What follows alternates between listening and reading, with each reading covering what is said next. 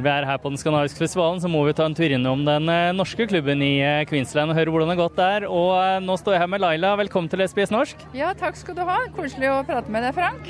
Og dere har solgt uh, vafler her i dag. Har de vært populære blant australierne som besøker? De ser veldig populært ut. Det går unna som vafler skal gjøre. Vi har uh, lagd ganske mye røre, og så har vi da valg med vaffel med syltetøy og krem, eller brunost. Og, og, og hvilken er mest populær? Ja, det er syltetøy og, syltetøy og krem. Det er ikke vant til.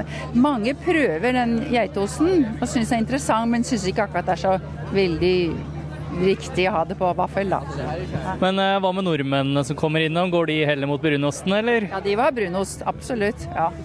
Og de spør ofte da hvorfor du kjøpte den. For det, man får jo kjøpt det her, da.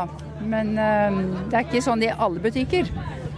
Men eh, hvordan har stemningen generelt sett eh, vært her på festivalen i dag? Har det vært mye mennesker? Ja, veldig mye. Jeg er ikke sikker hvor mye det er i forhold til de tidligere årene.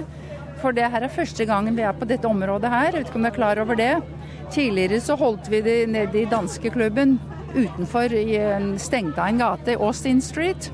Så da var hele gaten fylt med, med sånn ståls, da.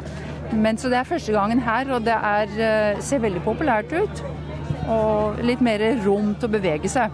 Ja, ja og uh, folk her er stort sett uh, godt fornøyde, eller? Ja, jeg tror det. Det ser så mange blide mennesker, og mye så mange spiser masse god mat. Ikke bare vafler, men andre skandinaviske ting. Du har kanskje sett uh, både laks og pølser og bakte ting. og Veldig fint. ja. Og dere er jo her fra den norske klubben i Queensland. Hvor mye aktivitet er det der nå? Vi eh, er en liten klubb i forhold til f.eks. For den danske klubben. Men vi har to hovedaktiviteter i året. Det er jul, som vi gjerne leier det danske klubbhuset. Har eh, jule, sånn juletrefest da, med, for barn og voksne. Og 17. mai, da har vi den eh, helgen nærmest 17. mai. Og da de siste årene så har vi hatt lunsj på Sofitel hotell. Det er veldig populært. Masse mennesker. Og så har vi noen små feiringer innimellom. Vi har da eh, klubbens bursdag en gang i året. Og så har vi vært en liten minigruppe som vi kaller sånn craft group, som treffes annenhver måned. Og tidligere så var det en sånn barnegruppe, sånn mødre og barn. Men nå de barna har blitt så store at de er på skole, så den har liksom falt bort. Er det mange nordmenn som eh, bor i Brisbane og områdene rundt? Det er en del, men jeg har ikke noe tall på det.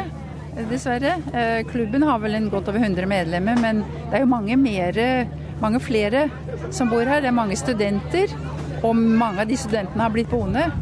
Giftet seg og sånne halvfamilier. Halvnorsk, halvt australsk. Ja. ja, det skjer jo en del over eh, hele Australia, det. Det, er klart. Det. Men uh, hva er det med Brisbane-området her som er, er tiltrekkende for nordmenn generelt sett?